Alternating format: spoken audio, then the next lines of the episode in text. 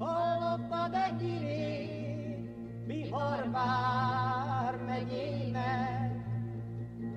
Annak az átkozott váradi ömlöcnek. Hallottam, hallottam, szenvedtem Istennek. Verje meg az Isten, aki oda tette. Testvérek, pajtások, de hűtlenek vagytok, Rabi sorsainkban meg se látogattok. Ki fogok még menni, nem fogok Szeretettel köszöntelek titeket a Kulturális Extázis negyedik adásában, és azért ilyen pálinkás a jó kedvem, mert annak ellenére, hogy lejöttem Debrecenbe ide a családi házba, és ilyen állatokkal kifestett gyerekszobában vagyok, ami egyébként az unokaöcsémé, Szóval annak, ennek ellenére, hogy a körülmények nem annyira ideálisak, egy 90x40-es padon itt kuporgok, és mivel szétszerelni, még szét tudok valamit, de összeszerelni nem, kurva sokat bénáztam azzal, hogy újra beállítsam magamnak a mikrofont és a mikrofon állványzatot, de ennek ellenére azért vagyok nagyon boldog, mert olvastam nemrégiben egy olyan cikket, ami a podcastelők podcastelési szokásairól szólt, és azt írják, hogy a podcastek 70%-a az első három adás után befutcsol, mert elfogy az alkotókedv, a, a kreativitás, a lendület, a bátorság, és ez nekem már a negyedik adásom, szóval ez azért hosszú és gazdag jövőt jósol a csatornám számára. Remélem, hogy nem, nem vagyok ezzel túlzottan nagyképű. Ez az egyik dolog, de hogy éljünk, éljünk a kritika jogával is, az előző adásról kaptam több visszajelzést is, hogy túlságosan csendesen, halkan és motyogva beszéltem, hát ez annak volt köszönhető, hogy azt hittem, hogy az úgy sokkal kötetlenebb és lazább lesz a, a beszédem, akkor, hogyha hátradőlök, és mint valami dagat kapitalista a szivarszobában onnan adok elő, Hát ez fals koncepciónak bizonyult, de most pótolom ezt a hiányt, és kiköszörülöm a csorbát. Minden esetre eszembe jutott erről egy gyerekkori kedvenc rajzfilmem, az HBO-n ment, még az akkori HBO-n, amikor még az ősidőkben, a 90-es években új, új dolog volt, és menő, ha valakinek volt HBO előfizetése, ment egy Animánia című rajzfilm, amiben három meghatározhatatlan fajtájú állat volt a főszereplő, Jakó, Vakó és Dat. És voltak, voltak ilyen spin-off karakterek is, például két fehér gyógyegér egy kísérleti laboratóriumban, Bunkó és a Vész, akik minden éjjel a, a világfeletti hatalom átvételéről szőttek ördögi terveket, és hát persze mindig pofára estek vele, illetve volt egy Jó Madarak című sorozat, ami angolul Godfeathers néven futott, ö, bocsánat, Goodfeathers néven futott, és ami egyértelműen az, az amerikai olasz maffia filmeket parodizálta ki, három városi szürke galambal, képzelhetitek, és abban volt egy karakter, The God Pigeon, azaz a csőresztapa, zseniális magyar fordítás, aki mindig megjelent, és ilyen abszolút marlombrandós fizimiskája volt, egy dagadt galamb formájában, tehát ilyen, ilyen plöttyett, pufi arc, és ilyen tekintélyes nagy has és pocak, illetve még a, az őszülő pályásze is stimmelt a keresztapáival, és ő is ilyen halkan és ilyen tamponokkal kitömött szájjal beszélt, és volt mindig a három galamb közül egy Pesto, aki arra hivatott, hogy, hogy fordítsa, hogy mit szeretne mondani a csőresztapa. És ez körülbelül így nézett ki, hogy a csőresztapa megérkezett, és mondta, hogy hmm, a csőresztapa látni kíván? Vagy és akkor azt mondja, hogy hmm, a csőresztapa szerint, szerint csatlakozhatsz a, a családunkhoz, de előtte teljesítened kell egy fontos küldetést. Szóval ilyen voltam én a csőresztapa szerepében. mindenképpen túrjátok fel ezt a, ezt a rajzfilmet a YouTube berkein belül, mert, mert zseniális, ajánlom figyelmetekbe. Ennyit a motyogásomról, most már fennhangon fogok szónokolni, de most jöjjön az intro, és utána beszélünk a, a mai, mai témánk részleteiről is.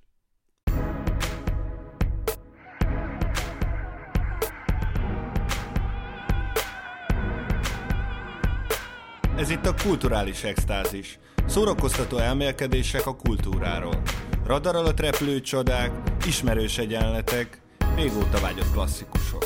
Aki a foglalkozást vezeti, Mosolygó Miklós.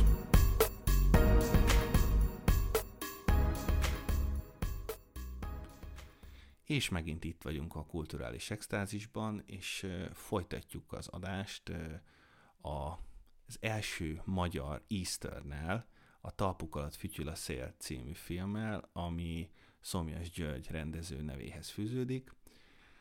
Nagyon izgalmas vállalkozás volt, ugyanis még ö, akkoriban, ugye, ez 1976-ot írunk, ö, nem volt olyan kísérlet a magyar filmművészetben, hogy egy kész nyugati zsánert ültessenek ö, magyar ö, környezetbe, és hát ugye a 90-es évek óta tudjuk, hogy a különböző borzasztó romantikus komédiákat milyen hatásfokkal sikerült elkészíteni a Tamásnak, és erről eszembe jut az, hogy miért kell nekünk európaiaknak mindig úgy táncolni, ahogy az amerikaiak fütyülnek. Nem akarok álszent lenni, én is félig, a, félig az amerikai popkultúrából vagyok összegyúrva, nyilvánvalóan, de azt gondolom, hogy a, hogy az Európa több ezer éves kultúrája, illetve a nyugati civilizáció bölcsője, az, az mégiscsak itt ringott, és ha akarnánk, ki tudnánk alakítani magunknak egy, egy minőségi és inkább a saját identitásunknak megfelelő, azt, azt mélyebben tartalmazó ö, ö, populáris kultúrát, ahelyett, hogy, hogy folyton átvennénk kritika nélkül a, a, a tengeren túli termékeket, mint mint a romantikus komédiák vagy a szuperhős filmek, mert az amerikaiakkal egyetlen egy probléma van, azon kívül, hogy gyakorlatilag két dolgot találtak fel, az egyik a show business, amiről itt ugye most szó van, és nyilván fontos, a másik a hamburger, Szóval, hogy mindent a szórakoztatás oldaláról közelítenek meg, tényleg mindent, tehát mitológiát, vallástörténetet, pszichológiát, bármit. Abban jók, azt tudják profi módon előállítani, prezentálni és eladni, és nyilvánvaló, hogy ez az ő nyelvük, ez az ő kommunikációs csatornájuk, de mi nekünk magyaroknak és szélesebb értelemben véve európaiaknak nem kell, nem kell őket majmolni, egyszerűen nincs rá szükségünk, és ennek ellenére, mintha ezt az európai kultúr csinál, kultúra csinálók nem, nem ambicionálnák kellően. Ezért nem is vagyok híve az ilyen egy az egyben átemelt kulturális crossovereknek, kivéve, ha jól sikerülnek, mint például a, a, a talpuk alatt fütyül a szél esetében, ahogy majd ezt most meg fogjátok tudni, de előtte elmesélnék egy másik történetet is, vagy egy élményt. A, az egyik barátom nemrégiben felvett a Budapest Szürreál zárt Facebook csoportba, ahol emberek különböző abszurd jeleneteket fotóznak le, és osztanak meg a Budapesten jártukban, keltükben, ami hát azért gondolhatjuk, hogy viszonylag gyakran előfordulnak hajmeresztő pillanatok, és egy nagyon szellemes ilyen matricát vagy, vagy grafikát fotózott valaki a Deák téren, áll Picúr a, a Pompon című ugye magyar rajzfilmsorozatból, a fején pompon, a kezében egy szobanövény, mellette pedig egy ösztövér, nagy fekete lóden kabátban álló férfi, aki, aki már is szomszéd, egy, a kezében egy, egy magnummal. Hát ezt nevezem én igazi, jó ízléssel megalkotott kulturális crossovernek, ugyanis hát ugye egyértelmű utalás a Leona Profi című filmre, és mégis sikerült a saját magunk animációs hagyományait is megcsillantani benne. Na pontosan ez az, ami, ami akár ugye 30-40 évvel ezelőtt a Szomjas György rendező szem előtt lebeghetett, és azt kell, hogy mondjam, hogy sikerült is. Ugyanis a western hagyományait és toposzait a kelet-európai környezetbe helyezni azért egy, egy merész vállalkozás, de ha jobban megfigyeljük, nagyon sok kapcsolódási pontot lehet találni. Ugye a Westernek alapvető konfliktusa az a, haladás és a maradás konfliktusa, tehát ugye van egy, egy, egy zabolázatlan, egy betöretlen, egy, egy, egy vad nyugati teritorium, ahol ugyan nincsen jog, nincsenek írott szabályok, viszont van egy olyan fajta szokásjog és egy olyan fajta becsület kódex, ami mégiscsak kimondatlanul is irányítja ezt a, ezt a látszólagos, veszélyes és vad káoszt. És van a civilizáció, ami, ami rendeleteket hoz, szabályokat hoz, korlátokat hoz, és megöli azt a, azt a szabadon lélegző, élő világot, amiben bár nagyon veszélyes élni, mégis, mégis egy, egy, egy, egy, nagyon, egy nagyon izgalmas és nagyon, nagyon szabad világ. Ez ugye a western filmekben klasszikusan a vasút építéssel tör be a, az ott élők életébe, tehát a, a vasút a szimbóluma a progressziónak, a haladásnak és a civilizációnak. Ennek, ennek és ezeknek pedig meg kellett találni a párjait a 19. századi magyar betyárvilágban, és meglepően jól sikerült is ez a, ez a mutatvány a készítőknek. Ugyanis, hogyha végig gondoljuk, hát vannak nekünk itt outlaw, outlawjaink, ugye törvényen kívüli útonállóink, ezek a betyárok, van, van nekünk serifünk, ez ugye a csendbiztos uram, vannak rangereink, ugye, ezek a pandúrok, és hát ha nincs is vasút ebben az értelemben, de a technológiai haladásnak egyéb egyéb lehetőségei, vagy egyéb formái is lehetnek, ez pedig itt a, a filmben a, a mezővárosok ö, ö, igénye arra, hogy minél inkább ki, ki tudják használni a tulajdonukban lévő termőföldeket, és ez pedig a csatorna és a csatornázás, mint a, mint a fejlődés és a haladás szimbóluma, ami ugye majd behálózza és felszabdalja a korábban érintetlen pusztát. Hát így, így kell ezt elképzelni. Egyébként Szomjas György elmondta egy későbbi interjúban, hogy ő ugye a Balázs Béla stúdióban kezdett el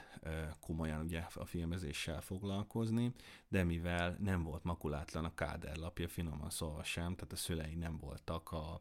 az ideális szocialista embertípus megtestesítői, így álmodni sem lehetett neki arról, hogy bármifajta ideológiai töltetű filmet készíthet, ezért evezett el inkább a kvázi a fantázia a világok irányába, amilyen a western is. És ekkoriban már Magyarországon elérhetőek voltak az olasz western filmek, és részben, részben az amerikaiak is. Egyébként ez nagyon vicces, hogy például a, a francia új hullám, illetőleg az olasz neo, neorealizmus filmét azért lehetett viszonylag kispéttel Magyarországon is megnézni, mert mind Olaszországban, mind pedig Franciaországban erős volt a kommunista párt, és ez, ez egyfajta ilyen ideológiai hátszelet biztosított ezeknek az egyébként remek filmeknek. Na hát így kerültek el hozzánk a spagetti westernek is, de Szomjas a, ebben, ebben az interjúban um, hivatkozik még Sam Peckinpah filmjeire is, ami még ugye a klasszikus western idézi. Hát ugye a klasszikus amerikai western és a spagetti western között ö, ö, nagy különbségek vannak. Mind a kettőben igaz az, hogy, hogy, hogy, a, hogy a civilizáció felszámolja ezt a vad és zabolázatlan világot, viszont míg az amerikai, és akkor itt most idézem Tarantinót, hogy amíg egy, amíg egy John Huston filmben, ha valaki kinéz egy vonat ablakán, akkor a fényes jövőt látja, ha, ha ugyanezt Leónénál teszi, akkor egy golyót kap a homlokába. Szóval igen, míg, a, míg az amerikai klasszikus western talán túlságosan komolyan veszi magát, és nem tart görbetükröt, nem mutat ö, fityiszt ezeknek a heroikus karaktereknek, addig a spagetti western egyértelműen kineveti önmagát is, és egyértelműen felmutatja azt, hogy ezek a gonosztevők bár számot tarthatnak a mi részvétünkre, akár szimpátiánkra is, de mégiscsak gonosztevők, és mindannyian ugye gyarlók vagyunk. Sokkal több humor, sokkal több élet található egy spagetti westernben, és az amerikaiak bár, bár kezdetben lenézően nyilatkoztak ugye az európai westernekről, hát ezért is nevezték ugye spagetti westernnek, de aztán rá kellett, hogy jöjjenek, hogy nagyban hozzájárultak Sergio Leone vagy Sergio Corbucci filmjei a, a western zsánerének a továbbélésében olyannyira, hogy mostaná, mostanra gyakorlatilag popkulturális mítikus alakokká váltak. Gondoljunk csak a jó, a rossz és a csúfra, ahol Tuco Ramirez, Lee Van Cliff vagy vagy Clint Eastwood pólókon, bögréken jelenik meg, és gyakorlatilag az újabb és újabb generációk rajonganak értük. Tehát sikerült valami maradandót alkotni ezzel. No hát a talpuk alatt fütyül a szélben is valami hasonló, hasonló történik. Az alaptörténet az az, hogy hosszas raboskodás után Farkas Csapó Gyurka, egy híres betyárvezér kiszabadul a börtönből, és hát megkeresi azokat a, azokat a gazembereket, akik feldobták, tehát egy eléggé vendett a szaga van a dolognak, és aztán találkozik a, a régi barátokkal, a régi ellenségekkel is, többek között a, a csendbiztos urammal, akit Bújtor István alakít, aki érdekes karakter, meg érdekes viszonyt ápol Gyurkával, ugyanis hát mind a ketten ebből a, ebből a vad világból származnak, és mind a ketten a régi rendhívei, sőt korábban, és ez ugyan kimondatlan, de, de egyfajta barátság is körvonalazódik köztük, mégis ő volt az, aki végül börtönbe juttatta Gyurkát, hát mert ez, ez, ez volt a feladata, de van köztük egyfajta tisztelet is. Viszont amikor, amikor a betyárvezér kiszabadul, és mellé állnak a pásztorok és az egyéb kisemmizetjei a társadalomnak, akkor veszélyes lesz a város számára a, a betyár, betyár vezér és egyáltalán a körülötte csoportosuló ö, ö, törvényen kívülieknek a tevékenysége, ezért megkérik a, megkérik a csendbiztost, hogy egyszer is mindenkorra ö,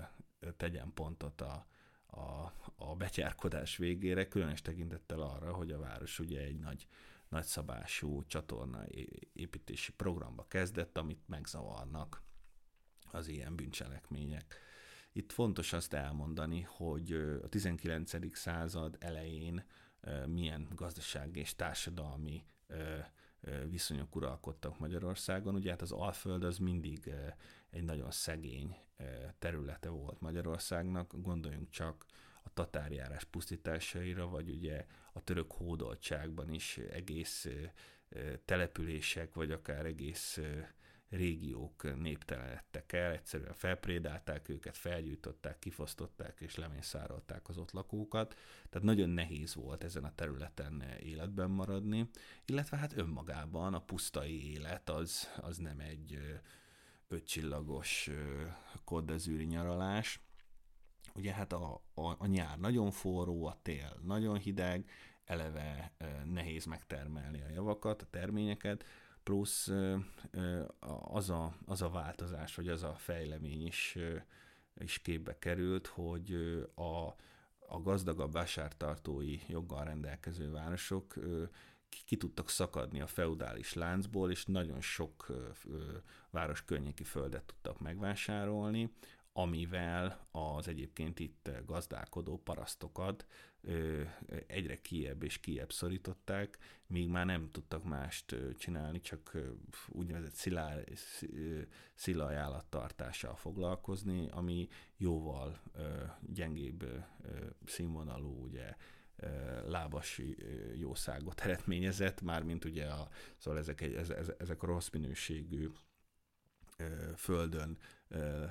legeltetett marhák és juhoknak sokkal keményebb volt a húsa, azért ugye kevesebb pénzt le, lehetett kapni a piacon és a vásárban, szóval kialakult egyfajta szociális feszültség is, arról nem beszélve, hogy azok a jobbágyok, akik különböző, vagy, vagy, nem, vagy nem fizették be a megfelelő értékű terményt, vagy valami kisebb bűncselekmény miatt nem akartak a, a, a bíróság elé állni, így gyakorlatilag bevetették magukat a pusztába, és így végül is a, a társadalom peremén élők egyfajta sorsközösséget alkottak. Egyébként nagyon izgalmas ez is, nem véletlen, hogy, hogy a, a magyar folklór is a, a szájára vette őket. Nagyon sok népdal és, és nép, népmese szól a betyárokról, és hát alapvetően ez egy magyar hagyomány, hogy a, az úgymond bocsánatos bűncselekményeket el, elkövetőket a nép az mindig a keblére öleli, és, és egyfajta ilyen összekacsintással nyugtázza az ő csintevéseiket. Erre mi sem jobb példa, mint hogy, mint hogy mindenféle ilyen, hát nem tudom máshogy mondani, cuki néven emlegeti ezeket az egyébként köztörvényes bűnözőket, mint például Móricz Rózsa Sándor lovát ugratja című regényében van egy olyan karakter, hogy Piszematyi. Hát milyen kis cuki név ez, hogy Piszematyi. de nagyanyám hívott így engem, hogy Piszem Matyi, és akkor nem vágtam, hogy mi ez, de most már tudom, hogy ki volt ő. Vagy Sobri Jóska, vagy Bogár Imre, de hát Rózsa Sándor is ugye, ugye a Sándorként volt emlegetve, mindenképpen meleg szavakkal szólt róla a nép. És ezeket az embereket egyfajta cukormázzal vonta be a nép egyébként éles, éles nyelve. Pontosan azért, mert az ő harcukat, vagy az ő, ő tevékenységüket a rendszer elleni lázadásként élték meg. Hát egyébként ez olyan kicsit, mint hogyha, ha már visszatérve a vicces nevekre, mint hogyha Ambrus Attillát mondjuk, mondjuk ma a, az emberek Pityókás Atinak hívnák, szóval így fura belegondolni, de egyébként nem mindenki van így, mert ugye a törvény emberei azok továbbra is a törvény emberei, egy volt barátnőm az ügyészségen dolgozik, és szolnokon, azt hiszem még mindig, és ott a kollégái azt mondták, hogy ők, ők még a moziba se ültek be egy a Viszkisről szóló filmre, mert hogy ők elfből nem támogatnak a pénzükkel egy bűnözőről szóló filmet, egy bűnözőt népszerűsítő alkotást. Hát szóval ők ilyen szigorúan vették. Tehát a pandúrok most is pandúrok. Pandur's gonna be Pand úr. Szóval értitek, miről beszélek. De egyébként visszatérve a, a betyárok mitoszának az emelésére, és hogy a, betá, a, és hogy a betyárok történetének a, a a művészeti feldolgozásai is ugye eléggé sokrétűek, említettem Moritznak a regényét, illetve, illetve van egy nagyon ígéretes, de sajnos elhasalt projekt, ez pedig a Csána Szabó András remek regényének, a Sömminek a, a filmes adaptációja, amit Pálfi György jegyez, és már az előkészítési szakaszban volt a projekt, amikor egy vajnával folytatott csatározás végén végül nem adott rá pénzt a film alap. Ez különösen kínos azok után, hogy már Pálfinak a Toldi filmjét is elkaszálták. Egyre inkább kezdek berágni a, a, a film alap esztétikai ízlésére, vagy nem is tudom milyen szakmai érvek vezetik őket, mert ezek közül mind a kettő százszerzalékig magyar történet, százszerzalékig magyar és nemzeti kulturális gyökerekkel rendelkező téma, és ráadásul látványos, ráadásul tökös, rá, ráadásul cool, és, és, és mégse támogatták, szóval szomorú vagyok emiatt. Egyébként az internetről elő lehet túrni azokat a, azokat a konceptártokat és, és helyszíni fotókat, amik a leendő forgatási helyszíneket ábrázolják, tényleg baromi jól néznek ki, szóval mindenkinek ajánlom, hogyha szeretne egyet sírni a lelke, akkor ezt, ezt nézze meg. Szóval a film, filmre visszatérve, ugye érdekes az, ugye 1976-ban volt a premierje a talpuk alatt fütyül a szélnek, és akkoriban szokás volt az, hogy a magyar produkciókhoz külföldi színészeket szerződtetnek, hát ezek főleg ugye a szomszédos országokból jövő színészek, de vagy pedig a béketábor más országaiból, így így a a Farkas Csapó Gyurkát játszó színész is ugye egy szerb színész, illetőleg a Jeles Matyit játszó antihős, végül is ő a film rossz fiúja, ő is egy, egy horvát színész, Vladan Holec, akit Cserhalmi György szinkronizál magyarra, de nagyon jól működnek ezek a karakterek, és, és Bújtor István serifje, vagy hát ugye csend, csendbiztosa pedig, pedig kifejezetten remek ezzel a, ezzel a néma, de nagyon maszkulin kiállással. És akkor még nem beszéltünk a nőkről. Hát a, a Parti Bözsi, aki ugye a, hát a, a történet fanfatája, és tökéletesen megmutatja, hogy milyen volt egy, egy a pusztai élet egy nő számára. Egyszerre kellett tűzről pattantnak lenni és keménynek, de ugyanakkor a csábítás eszközével is élni, ha a helyzet úgy kívánta meg. Hát furcsa, hogy az akkori szigorú keresztény erkölcs mennyire fellazult a mostoha pusztai életben. Hát ugye ott az egyik csárdát vezető férfinek ugye a felesége a, ez, a, ez a nő, akit Bordán Irén játszik, és tényleg gyönyörű szép, és egy ilyen gyönyörű természetes szépség. Tehát most a, a, abban a korban, amikor, amikor két lábon járó kozmetikai referenciákat látunk az Instagramon pózolni, tényleg üdítő látni ezt a, ezt a természetességet és nőiességet a vásznon. Remek az a jelenet, amikor megérkezik a csádához Gyurka, és egyik vállára feldobja egyébként teljesen indokolatlanul egy ilyen csavart szarú rackajuhot, a másik kezével pedig a hóna alá csapja a, a lányt, és mennek a szénába szerelmeskedni, szóval ahol bőgnek a, bőgnek a tehenek, szóval hatalmas képek, de ugyanez a nő aztán később a Jeles Matyival is összeszűri a levet, és még akár másokkal is, tehát valahogy ez a fajta, hát hogy is fogalmazza, poligámia akkoriban, és ott egyáltalán nem volt, nem volt ezek szerint ritka. Egyébként a már korábban említett Cserna Szabó András regényben is egészen parád és szexjelenetek vannak, tehát ott a nádasban halászó halászó öregembernek a lánya úgy, na hát bocsánat, szóval úgy imádkozott a, a, a Veszelkai Imre dákójához, úgy, úgy járt fels alá a feje, mint, mint a fakopáncs, és ez körülbelül talán a hasonlatot jól is idéztem pontosan. Közben eszembe jutott, csak itt gondolkodtam, hogy ki játsza a főszerepet, hát ciki, hogy nem tudtam, Gyoko Rosic nevű szerb színész, nagyon karakteres figura, tényleg igazi, igazi gonosz arcú, ilyen, ilyen nyúzott arcú figura, és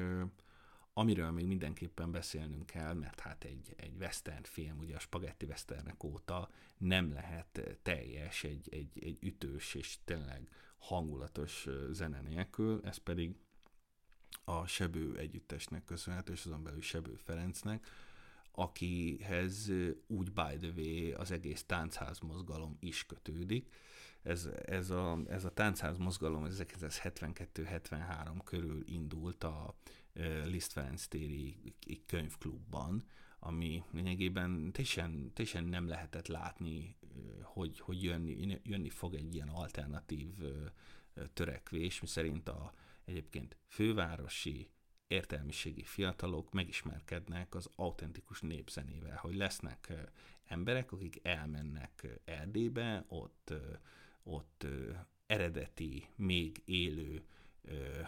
forrásokból ugye összegyűjtik ezeket a népdalokat és néptáncokat, felveszik videóra, és elhozzák az Budapestre, hogy egyfajta új életet ö, ö, fecskendezzenek az akkor már egyfajta, egyfajta ilyen nemzeti identitását veszített ifjúságba. És ott, ott több ö, ilyen táncegyüttes is alakult, volt némi vita abban, hogy akkor ez legyen egy, egy zárt, de profi környezet, tehát amiben, amiben tényleg, tényleg profi táncosok fognak működni, vagy pedig nyissák meg a kapukat az utca emberének is, és bárki bemehessen, és gyakorlatilag tanulhassa, és közösségben átélhesse ezt a, ezt, ezt a táncház élményt, aminek megvolnak a forrásai, ugye Erdélyben, azon belül is egy szék nevű faluban. Hát azt lehet most már tudni, ugye, hogy, hogy világra szóló siker lett a táncház mozgalom, és, és mindenki számára elérhetővé vált, és az emberek valami egészen újszerű dolgot tapasztaltak meg. Ez egyáltalán nem volt egy ilyen, egy ilyen mű, népieskedő, ilyen áromantikus szar, hanem egy nagyon is élő élmény volt, ahol élőzene és és az ott tanult új mozdulatok, amik egyébként nyilvánvalóan a, a, a régi ősi különböző erdélyi tájegységekből származó népi táncoknak a, a, az amatőr ott a helyszínen, a pillanatban megvalósuló ö, feldolgozása volt és eljárása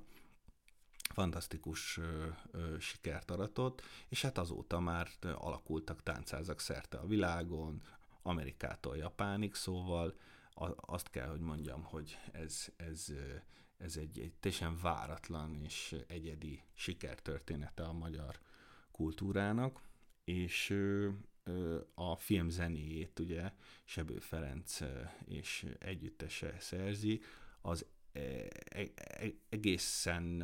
azt kell, hogy mondjam, hogy ilyen ikonikus hangszerrel, a Tekerő Antal a főszerepben, más néven Nyenyere, Nyilván van, van ugye nagybőgő is, meg hegedű, de ez a, ez a nyekergő hang, ami, ami így elmesélve nagyon viccesen hangzik, de ahogy hall, hallottátok ugye a bevezetőben a dalt, egy nagyon izgalmas és egyedi hangulatot ad az egész, az egész filmnek. Az egész filmen végigvonul, és sokszor egyébként az, azt gondolná az ember, hogy csak a balladisztikus jeleneteket tudja hatásosan aláfesteni, de az úgymond akció jelenetek alatt is remekül szerepel. Szóval ez tényleg egy teli találat volt a Szomjas György Sebők Ferenc, vagy Sebő, bocsánat, Sebő Ferenc kollaboráció, és egy nagyon egyedi svungot tudott adni ennek, ennek a spagetti western alapnak, amire épül gyakorlatilag a, a film. És hát ugye a film hangulata, az ugye a képekből áll, mert ez egy vizuális műfaj, Ragály Elemér a film operatőre, és meg kell mondjam, hogy fantasztikus munkát végez, olyan elszállós, ilyen